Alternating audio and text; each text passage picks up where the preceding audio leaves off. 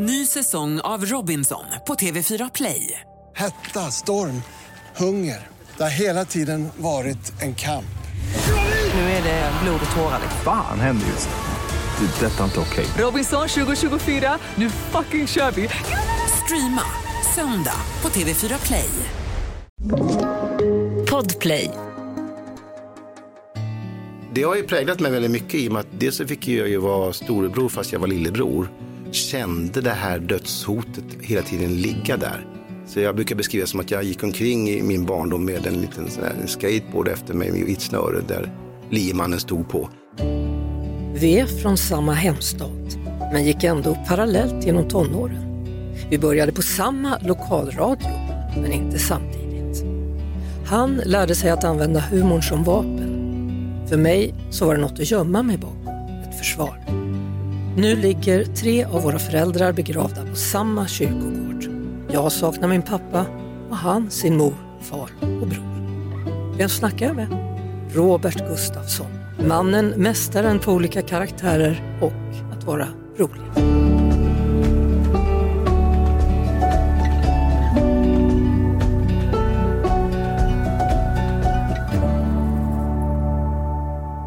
Ja, man måste börja någonstans, Robert. Du är ju född i Katrineholm.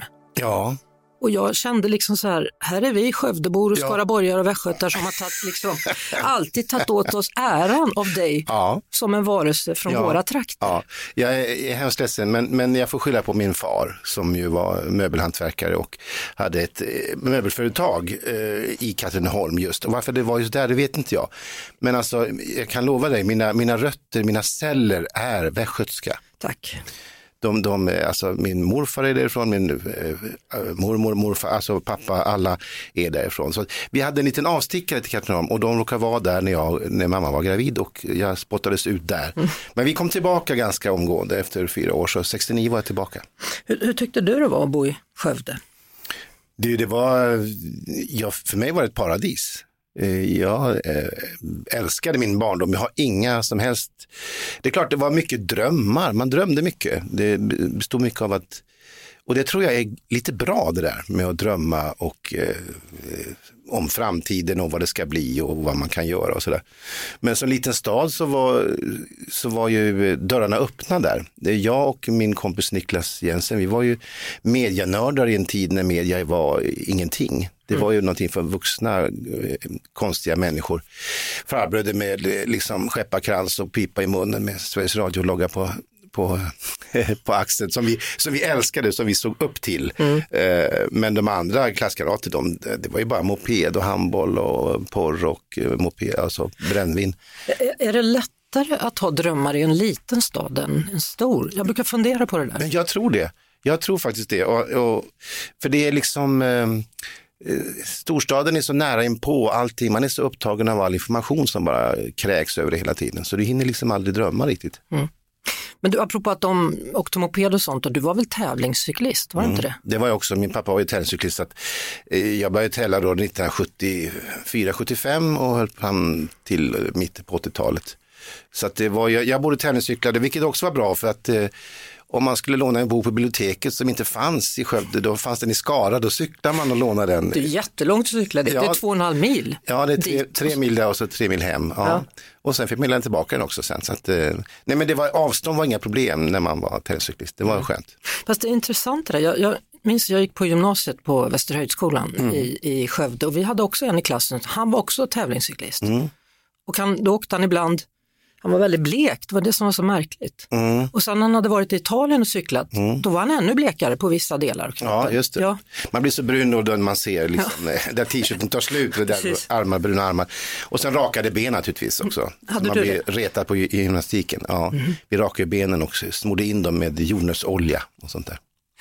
Jag kom ju till Radio Skaraborg och då hade ju ni varit och härjat där innan du och Mm, Niklas. Ja, Vad, det. vad gjorde ni där egentligen? Ja, vad gjorde vi? Vi gjorde väl allt det som de andra inte gjorde. Alltså, eh, skojsprogram. Alltså vi gjorde satirer och jag vet, vi gjorde sådana här eh, eh, satirer på program som gjordes där, eh, Lantbruksnytt och vad det nu hette för någonting. Så vi gjorde så här sketcher med någon intervju med en bonde om någon ny grepa han hade köpt eller sådär. Det är väldigt generöst av dem att, att man fick vara där. Och... Ja, det var lite självdistans ändå. Ja, vi verkligen. Och så att vi, vi var ju där på väldigt udda tider också så att vi blev kompis med finska redaktionen och sådär, Otiset och sånt där. Huvudhåmenta. Ja, huvudhåmenta. Huvudäkta. Ja, det var alltid så där ja, med, med lite sådana grejer. Nej men, var var du bodde? Hörru? I Dälderna. Dälderna? Ja, nedanför radiomasten.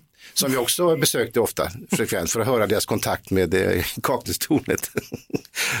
Bara för att få liksom en, en, en doft av den, den stora världen. Ja, vi, vilken doft av världen har att få en kunglig medalj 2015? Ja, ja, Hur kändes det? Blev du förvånad?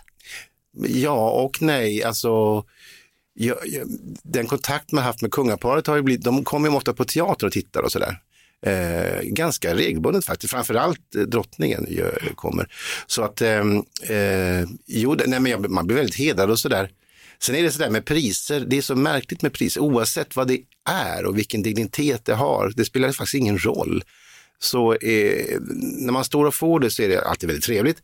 Och sen så dagen efter så ligger den ju bara där. Men var, var har du den nu då? Ja, den ligger någonstans i sin lilla ask. Eh, jo, men det är så det funkar. Det är så konstigt att... Eh, Guldbaggen också, ligger den också i någon ask? Ja, den ligger ju också där någonstans. Alltså det, priser är så, eh, det är kul när man får dem, men, men sen så, de förlorar ju sitt värde. Eh, Sen hamnar det kanske liksom i, i olika register och historieböcker och sådär, men, det är där men annars har det liksom ingen större betydelse. Kristall har du vunnit också. Ja, kristaller och det är massa konstiga saker. Applåder och guldrävar och jag vet inte hur olika namn de har. Karamell och diktstipendiet har du vunnit. Mm. Påvels pris. Mm. Hur många medaljer fick du när du cyklade då? Ja, jag fick, eh, jo men vi tog brons i, i DM, distriktsmästerskapet i lagtempo. Det har jag. Och så massa klubbmästerskap, det var- fick jag guld faktiskt några gånger. Cyklar du nu för tiden eller? Nå, eh, ja, för att ta mig fram. Eh, Inte för att, eh, det är lite grann som- som med, med tävlings, de som eh, tävlingskör med bil till exempel, de har ju ofta inte ens körkort. För de kan bara köra fort eh, och de tycker det är meningslöst att bara ta sig fram med en bil, utan då, då ska man åka på en racerbana. Lite grann så är det med cykel för mig också. Hur är det att köra och spela Tutsi? Ja, det är, det är fantastiskt. Jag tycker det är så, det var eh, länge sedan man hade så roligt på teatern för att det är någonting med, med den där musikalen, att den, det är musikalkomedi och man får liksom allt på en gång. Jag är ju, har ju varit en genuin musikalhatare genom åren. Eh, har ju väldigt svårt för de här eh, eh, liksom, märkliga uttrycken, att de tittar snett upp till vänster och sjunger och pratar på ett väldigt konstigt eh, teatralt sätt. Och, sådär. och det är ett inbyggt problem med, med musikalen, att eh, musikalartister, vissa är då jättebra på att dansa och halvbra på att sjunga och halvbra på att spela teater och vissa är bra på att, ja tvärtom, så det blir liksom aldrig riktigt rätt toppad och det är inte inbyggt problem. Men här är det, i och med att det är musikalkomedi, så den driver ju med musikalformen. Och den driver med, med patriarkatet, den driver med feminismen, den driver med allt och alla. Så att det är väldigt kul, alla får ha liksom väldigt roligt åt det. Och plus att den är ganska tänkvärd och, och till och med gripande stundtals. Fortfarande? Fortfarande, ja men det är så, ja, den känns nästan mer aktuell nu tycker jag än, än då. Eh, Dustin Hoffman gjorde den i film va? Mm. Jag har ju hamnat i Dustin Hoffmans eh, liksom, i snöre efter honom. Ja, för Allt du gjorde han gör den, ska jag göra. den andra också där. Rain Man, ja. Ja. Mm. Och det ska erkännas, jag har alltid varit fascinerad av eh, Dustin Hoffman är ju en förebild för mig. Just det, det handlar om att använda hela registret, att inte bara byta namn och eh, färg på kavajen och säga att nu heter jag Ove eller nu heter jag Gustav. Vad spelar den rollen? Utan att, Mm. att ändra liksom, kroppsspråk, att ändra dialekter, att ändra, liksom, lägga dit tics och, och allt sånt. Eh, mask och, Är han mer av en, en förebild än Robbie Williams? Ja, det tycker jag nog. Eh, vad, vad tycker du på Robert Williams? Nej, men jag bara tänker, han är ju sådär mycket, han har ju många röster inom det- sig, jo, han det är han. bra på att improvisera, Ja, han är ja. det en jäkla fart på honom. Ja, men om du tar, man, man tänker så här, ja, Dustin Hoffman i Handelsresans död eller, eller Little Big Man eller Rain Man, det är så olika figurer. Det är sant. Om man visar bilder på dem som är, det är inte samma person. Och det, det, det är det skådespeleri för mig helt enkelt. Och du har ju haft masker på dig så att du har varit oigenkännlig. Mm. Plast är någonting som har följt mig mycket också. Jag har fått mycket plast i ansiktet genom åren. Uh, Med den här mannen som gick ut i världen. Ja, just det. Men det, det var också fascination att jag älskade utmaningen att tänka få spela en och samma karaktär fast i åldern 18, 26, 57, eh, mm. 69, och 87 och 100. Det var det som var utmaningen för förr tänkte man sig, ja, vem ska spela honom som ung och vem ska spela, men det ska du göra, sa Felix. Och sen, eh, så att, det var ju fantastiskt. Det, då, verkligen det här med att lära sig. Ena dagen skulle jag vara 18, andra dagen skulle jag vara 26, andra dagen skulle jag vara 57. Då fick man ju liksom lära kroppen att nu ska du vara den där. Man fick liksom öva in olika liksom, åldrar. åldrar och så att kroppen fattar att ja, nu ska du gå på det här sättet och, och sådär. Eh, och jag älskar sånt där. Det är det, det, det jag gillar. Vilken ålder var bäst? Ja, nej men eh, ja då, nu var det ett tag sedan men eh, det som är längst ifrån en själv är ju 18 och 100 naturligtvis. Det är ju det är mest intressant att vara i en, i en 100-årings kropp eller i en 18-åring. Ja, 18 minns man, ja så här kändes det ja. Man var helt på väg, man var rastlös, det skakade i benen, man var liksom, man gick lätt framåtlutad för man ville framåt så fort som möjligt. Mm. Och 100 är precis tvärtom, att man liksom eh, försöker hänga med i, i, I svängarna. I svängarna. Mm. Ja. Ny säsong av Robinson på TV4 Play. Hetta, storm, hunger. Det har hela tiden varit en kamp. Nu är det blod och tårar. Fan händer just det. det detta är inte okej. Okay. Robinson 2024, nu fucking kör vi. Streama söndag på TV4 Play. Ett poddtips från Podplay. I podden Något Kaiko garanterar östgötarna Brutti och jag, Davva, dig en stor dos skratt. Där följer jag pladask för köttätandet igen. Man är lite som en jävla vampyr. Man har fått lite blodsmak och då måste man ha mer. Udda spaningar, fängslande anekdoter och en och annan arg rant. Jag måste ha mitt kaffe på morgonen för annars är jag ingen trevlig människa. Då är du ingen trevlig människa, punkt. Något kajko, hör du på podplay. Därför är gardinerna.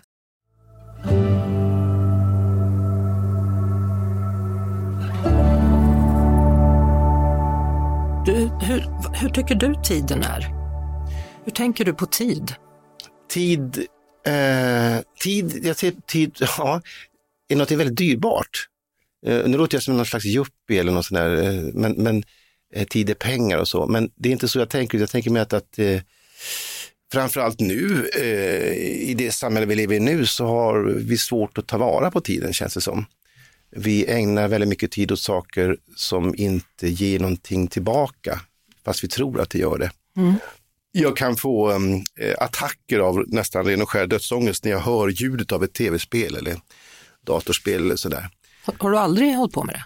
Nej, för att jag får ångest. Alltså jag får, mm. Tiden går, eh, rinner med till någonting som inte jag, som inte ger mig någonting, som inte är eh, nyttigt för någon annan eller för mig eller för, eh, som inte ger mig någon erfarenhet. Eller, mm. Och det kanske det gör, alltså för de som håller på. Jag, det, jag ska inte sitta här och, säga, och vara så, men, men eh, pekpinne, men eh, jag, det är bara min upplevelse. Jag, jag vill liksom, och det tror jag det kommer med åldern också, att man börjar lyfta blicken lite grann.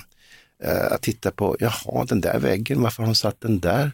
Alltså så, man börjar tänka efter hur saker är konstruerade eller titta där har en snödroppe kommit upp, Fan, är, ja. ja nu är våren redan, ja men just det, det har varit så varmt.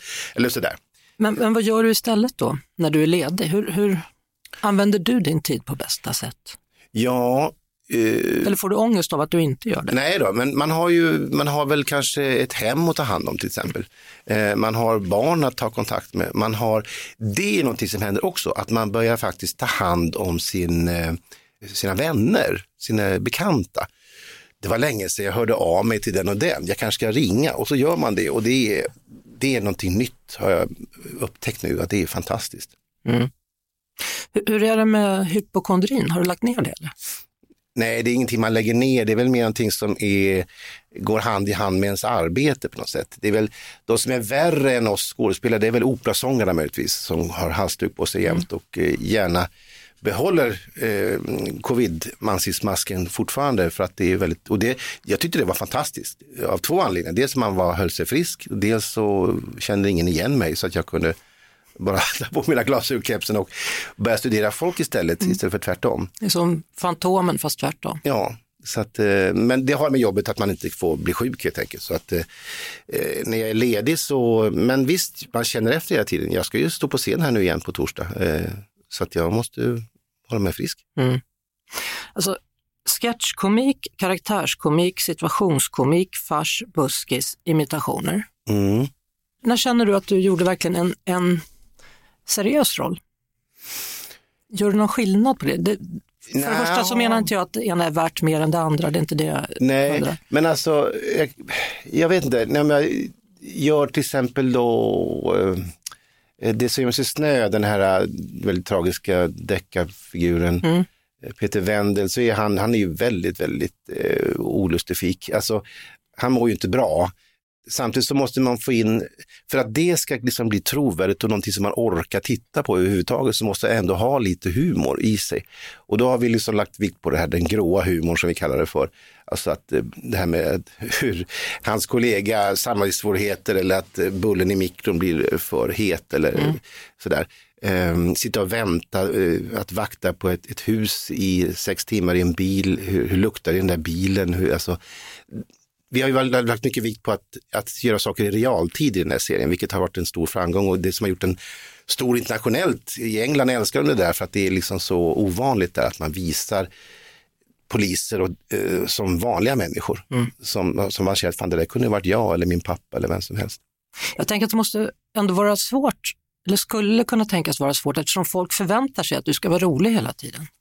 Ja, men det, jag har inte, det har gått väldigt bra Ja. tycker jag. Eh, det är väl snarast så att man eh, mm, kan, det, det beror på ju, ja du måste ju vara bra naturligtvis. det är väl kanske en bra föreställning. Men, men att man eh, inte slår underifrån, men man kan ju överraska. Alltså, för mig är det inte förvånande när jag ser min gamla idol till exempel som Carl Gustaf Lindstedt, att han är, att han är bra i Mannen på taket eller i eller i en handelsresa så död på Dramaten så jag, det är klart att han är bra på det. Han är ju, det är en bra skådis. Så att för mig är inte det överraskande, men för en publik som är, van att se, jag vet ju själv när man såg till exempel kanske Gösta Ekman i någon Strindberg-projekt eller något sånt där så, så kanske man hoppar till lite grann. För att ha, ha, när ska han snubbla nu då? Men, men så gör han inte det och sen så går det ganska snabbt över. Men, men är det fortfarande kul att göra de här lite skruvade grejerna? Ja, det, man, man kan tro sig att ja, men nu är jag klar med det, nu vill jag inte eh, sådär. Men det, det märkliga är att det finns alltid, så, hela tiden nytt, nya saker att utforska.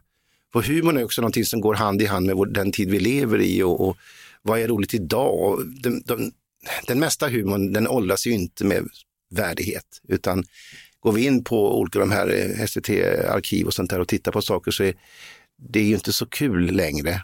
För att det går för långsamt, vi är mycket mer hetsigare idag, vi har mindre tålamod och allt ska vara så kort och effektivt och sådär.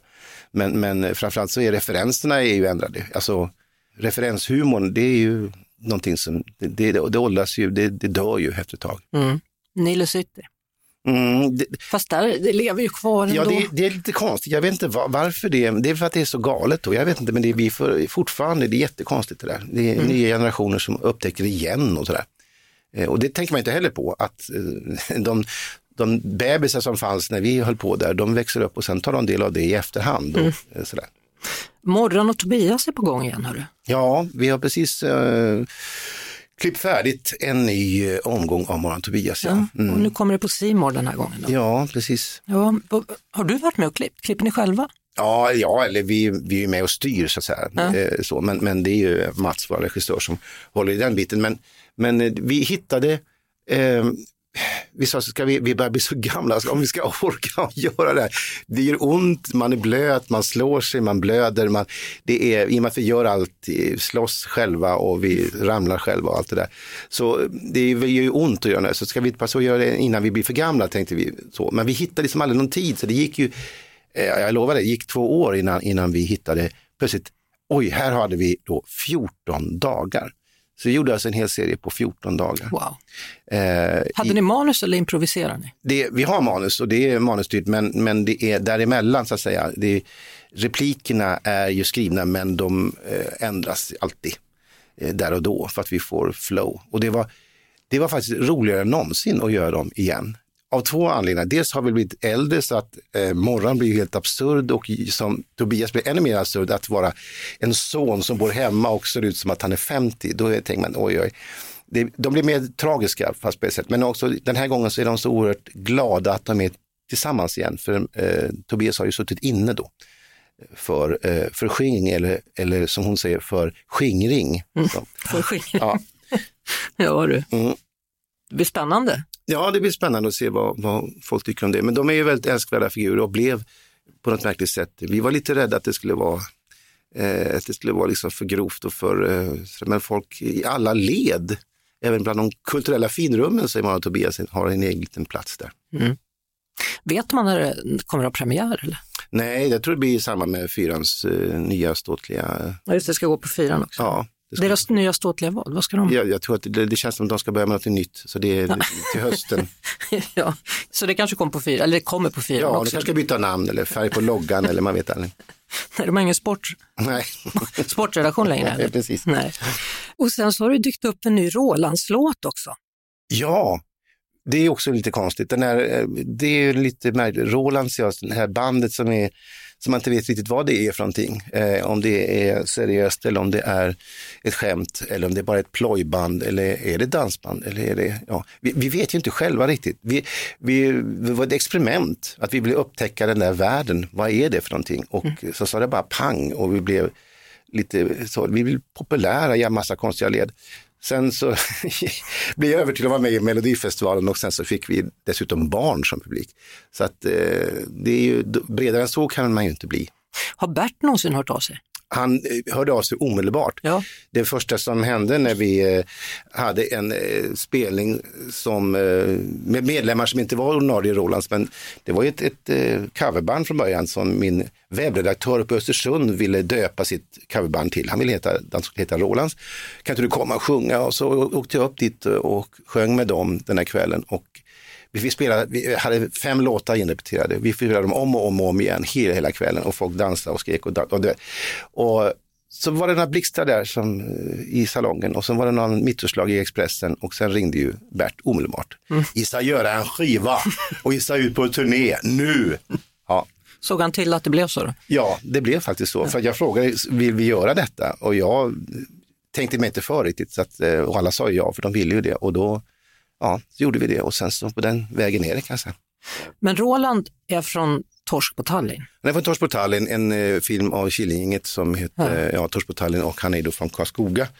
Eh, och är en väldigt eh, tragikomisk figur som är väldigt eh, ensam och eh, som man är så, eh, nästan irriterande försiktig av sig.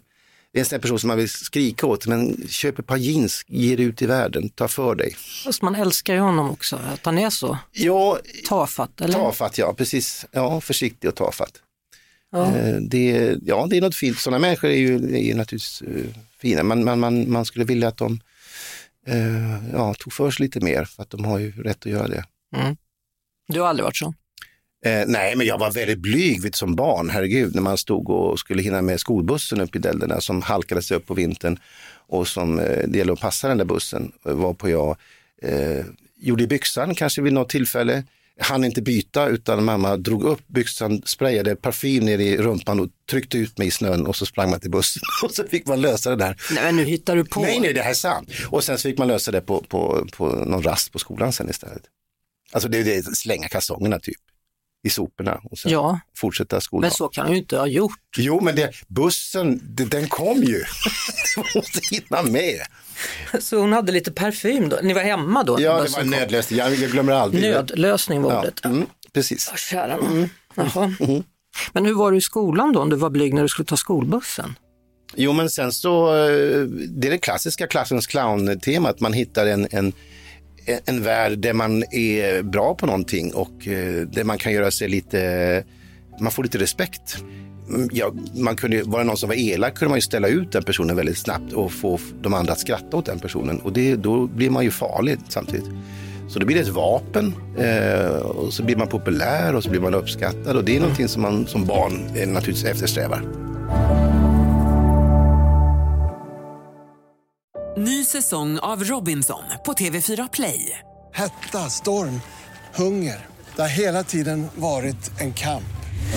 Nu är det blod och tårar. liksom. Fan händer just nu. Det. är Detta är inte okej. Robinson 2024, nu fucking kör vi! Streama söndag på TV4 Play. Ett poddtips från Podplay. I fallen jag aldrig glömmer djupdyker Hasse Aro i arbetet bakom några av Sveriges mest uppseendeväckande brottsutredningar. Går vi in med hemlig telefonavlyssning och, och då upplever vi att vi får en total förändring av hans beteende. Vad är det som händer nu? Vem är det som läcker? Och så säger han att jag är kriminell, jag har varit kriminell i hela mitt liv men att mörda ett barn, där går min gräns.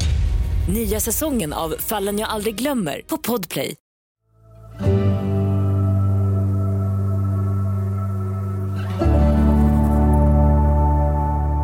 Men det är intressant, nu går jag tillbaka till Roland här. Det, det är intressant att, att dina karaktärer, de har ju verkligen de har ju ett eget liv. Liksom. Mm. Ja, Och de hänger med. Och de kan hänga med länge. Ja, just det. Det har jag kanske inte tänkt på så mycket, men det har du ju kanske rätt i. Eh, det är väl för att eh, jag, jag tror det är så enkelt så här att, att, att, eh, att göra en sketch till exempel i ett program som eh, Direkt från Berns eller eh, något Killing-program eller vad som helst så eh, gör jag ju så som att jag vill ta reda på allt om den här karaktären. Jag ger den en backstory, jag ger den ett liv som inte syns och inte sägs, inte pratas om sen i, i manus eller i, i, i föreställningen eller vad det kan vara. Så, men det gör väl att eh, då blir den, upplevs den kanske lite mer som mer hel och kanske trovärdig då, eller, eh, och mer användbar. Eh, så att eh, jag, och sen vill jag liksom aldrig favorisera någon figur eller sådär, utan de, det blir lite som ens barn sådär. Vilken är din favoritdotter eller favoritson? Det vill man inte säga, utan då, eh, för rätt för det så har man nytta av den där figuren. Och man ska aldrig ta död på dem heller. Jag, det misstaget har jag inte gjort än faktiskt. Att jag, ska, jag ska aldrig mer göra Greger, jag ska aldrig mer eh, prata som Tony Rickardsson. Eller vad. Nej, Nej. det ska man inte göra. För det Nej. kommer en tid och plötsligt, ja nu passar det bra. Sen gjorde du också då Den osannolika mördaren. Mm. Just det, det var eh, väldigt, väldigt speciellt. Ja, Det är om Palmemordet. det är om Palmemordet. igen. Mm. Ja, precis. Och du var Skandia. Skandiamannen där. Eh, precis. eh, Vad tänker du kring allt det där? Ja, det där är ett sånt sår i, i oss svenskar på något sätt. Som aldrig riktigt går över och aldrig, eh, för att det är så komplext och, och svårt och det är så skumt och alla omständigheter runt omkring, ingenting, ingenting stämmer och ingenting, ingen vet och alla vet och alla förstår men ingen vill säga. Och alla vet. Så att det är, ja, eh, Jag var på diskotek och så blev vi inskuffade i rummet bredvid och så sa de det har hänt någonting och sen så Ja. var det ingen som trodde på det men sen till slut förstod man att det var ju sant. mm, Och då gick man ju bara hem. mm, precis. Ja. Och du var på Sveavägen. Jag var till och med där på biografen. Jag petade på honom bara några minuter innan han eh, blev skjuten, innan vi gick till vänster istället. Så att eh, för mig var det, låg det väldigt nära och jag var lite tveksam till att ta mig an den där uppgiften först när jag fick frågan. Och, men sen kände jag att ja, men det kan vara kanske en bra uppgörelse för min egen del också. Att liksom, Och det här är ju bara det är en teori. Det är ju att om nu polisen eller Säpo pekar ut den här personen, hur skulle det i så fall ha sett ut? Det är ju det som är budskapet där. Vi, ska inte påstå att det är honom, men du, du, eh, i så fall skulle det ha sett ut så här. Sen får folk ta ställning om det var så eller inte. Eller tro på det eller inte tro på det. Hur känner du kring allt det där? Har du lagt det vid sidan nu? Är du klar nu med det där? Eller? Ja, man måste vara klar med det. För att det, det absolut så Man kan bli jag. knäpp annars om man, Man håller kan bli på med det knäpp. där. Ja, och så blir man så här och det, man kan få, plötsligt behöver av sig massa konspirationsteoretiker som har sina egna visioner, det är privata utspanare som håller på och lägger sitt liv åt detta eh, och fastnar i det liksom på något sätt. Men Jag, jag tror att vi kommer naturligtvis få reda på sanningen eh, så småningom när det, när det inte är så att säga farligt längre, när det inte är, när det alla runt omkring och är, är borta, är döda och Va- Varför är det fortfarande farligt? Vadå?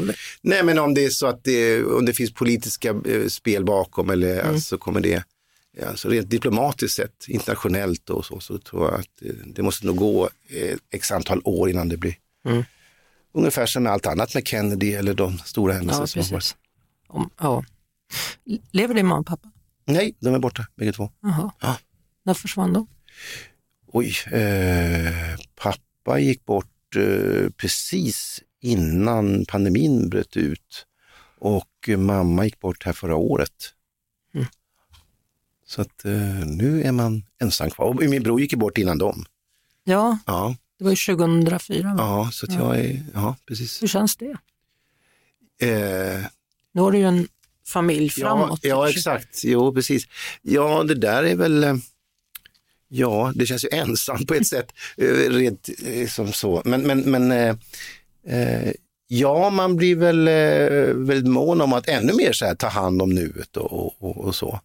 Och eh, jag märker ju nu, och det är inte bara jag, jag märker på mina kollegor och andra som att man blir, blir väldigt också nostalgisk och man börjar, jag har ju aldrig tittat bakåt överhuvudtaget. Jag har alltid haft svårt för det. Så att jag har varit väldigt rädd för polisförhör och sånt där. Vad gjorde du igår klockan 16.38? Mm. För jag har ingen aning, jag måste kolla kalendern. Eller vad gjorde du förra veckan? Men däremot vad gör du imorgon 16.38? Då vet jag exakt, då kommer svaret med en gång. Men så har det alltid varit för mig. Men nu nu börjar ju liksom, och jag tror det har mycket med oroliga tider att göra. Eh, krig, krigshot nu och Ukraina och inflation och höga matpriser och det är alltid nervöst och oroligt att hålla i plånboken och elpriser och sånt. Då, då börjar folk liksom äta mat som man åt när man var barn, man börjar ja, titta i fotoalbum och sådär. Det, nostalgin har ju med trygghet att göra. Så att, eh, Min pappa gick bort för två år sedan.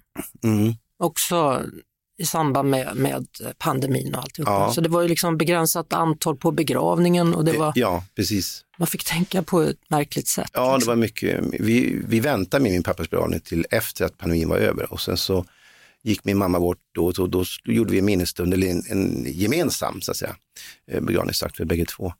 Eh, Jag minns din pappa faktiskt. Gör du? Ja, det gör jag. Mm. jag. Jag förstår inte i vilket sammanhang, men vi pratade och träffades några gånger. Kan vara Runo Sundberg, kan vara Rockwool. Isolering. Ja, det var nog både och. Vi gjorde reportage på Rockwool där din pappa jobbade. Jaha. När vi gjorde någon slags eh, ja, ja, företagspresentation. Ja. När videon kom och gjorde sitt inträde. Ja, jo då. Han var en bra man. Mm, mycket.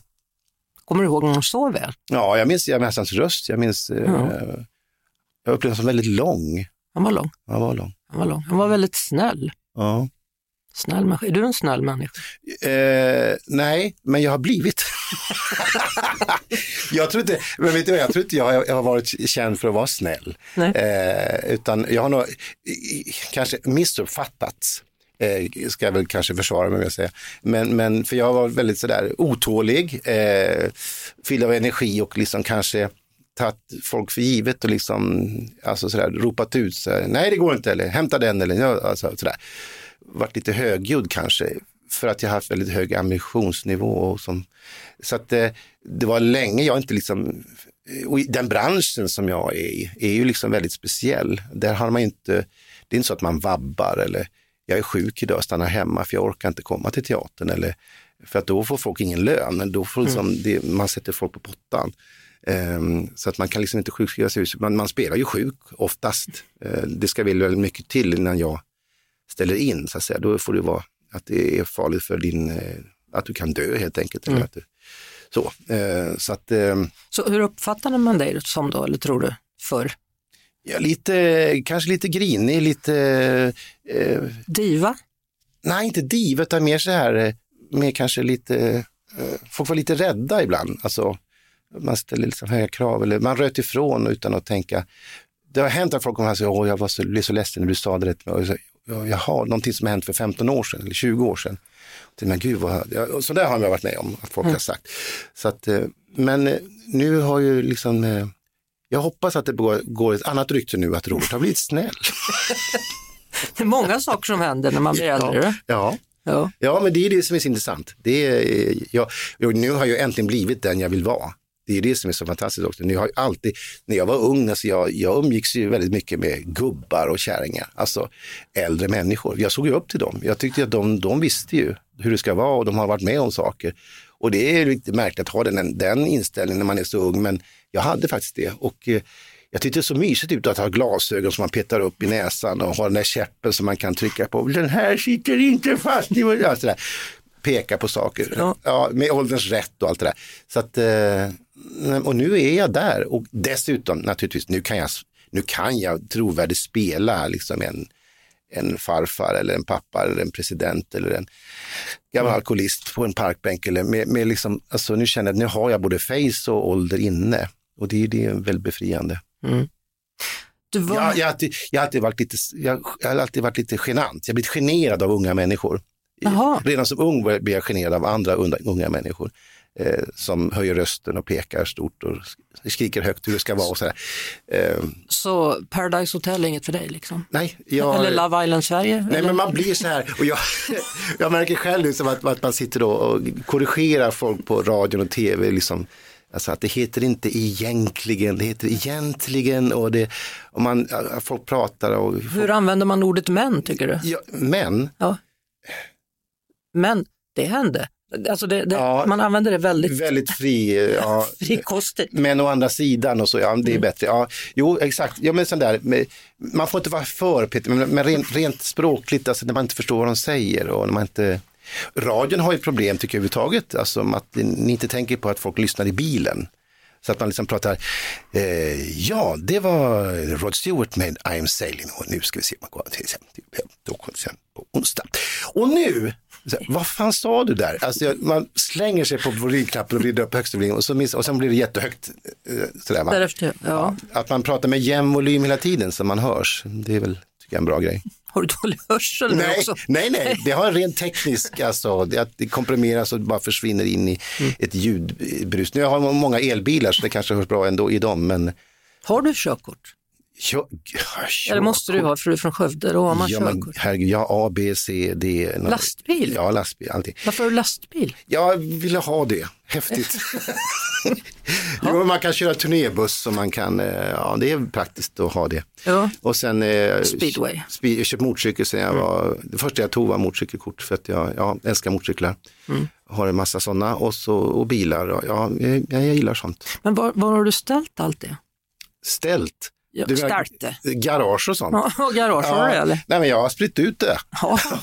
så jag har lite mopeder där och motorcyklar där och de är lite varstans. Och. Ställt ja. Det var västgötska Ja, det, det är ställt. Ja. Och i bak, den ligger i bak. Ligger i bak där.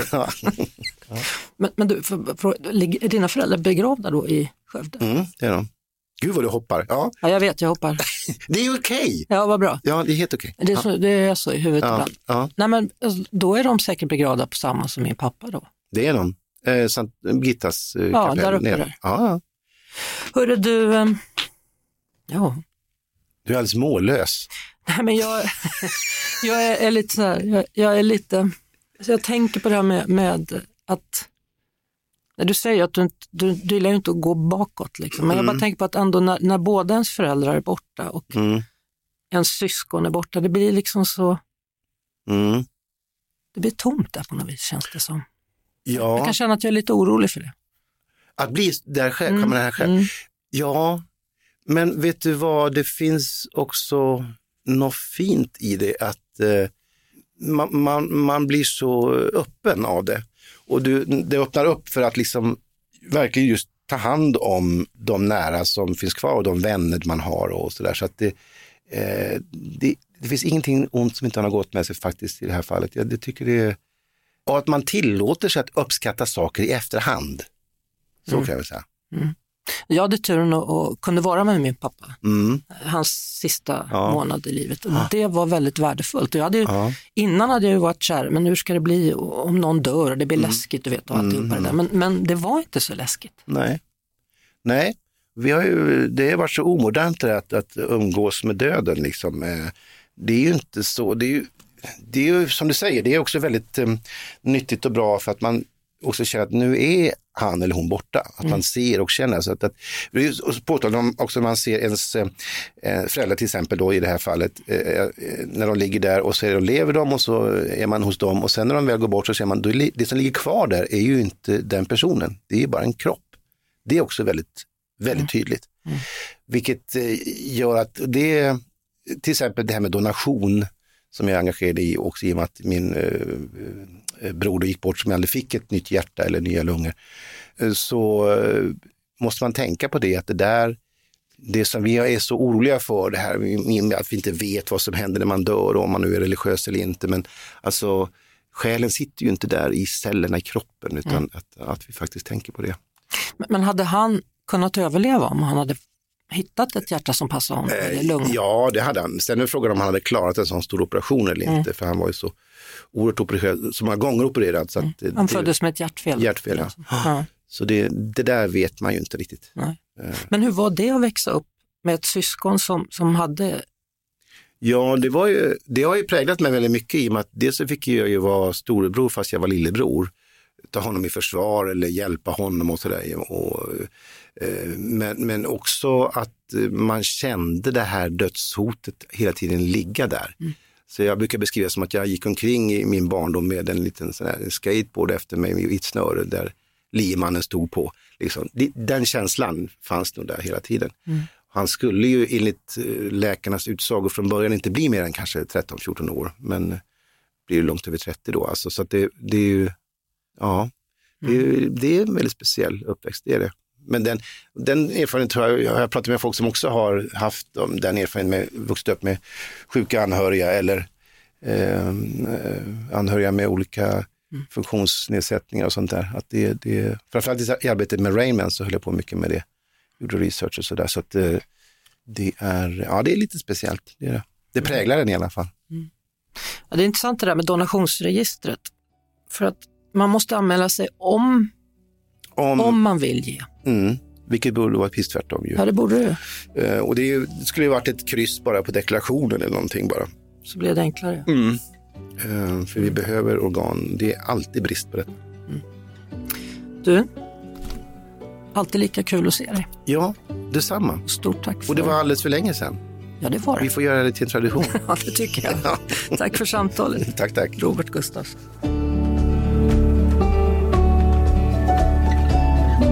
Igenkänning. Ja, det får bli ordet jag tar med mig från samtalet med Robert Gustafsson. Skänk gärna en tanke till donationsregistret. Gå i alla fall in och kolla. Det kan ju faktiskt vara så att du räddar en annan människas liv. Onsdag om en vecka då kommer ett nytt avsnitt av podden Vem snackar med Lotta? Och tills dess så hörs vi i Mix Megapol måndag till fredag i halv tre med Lotta Bromé.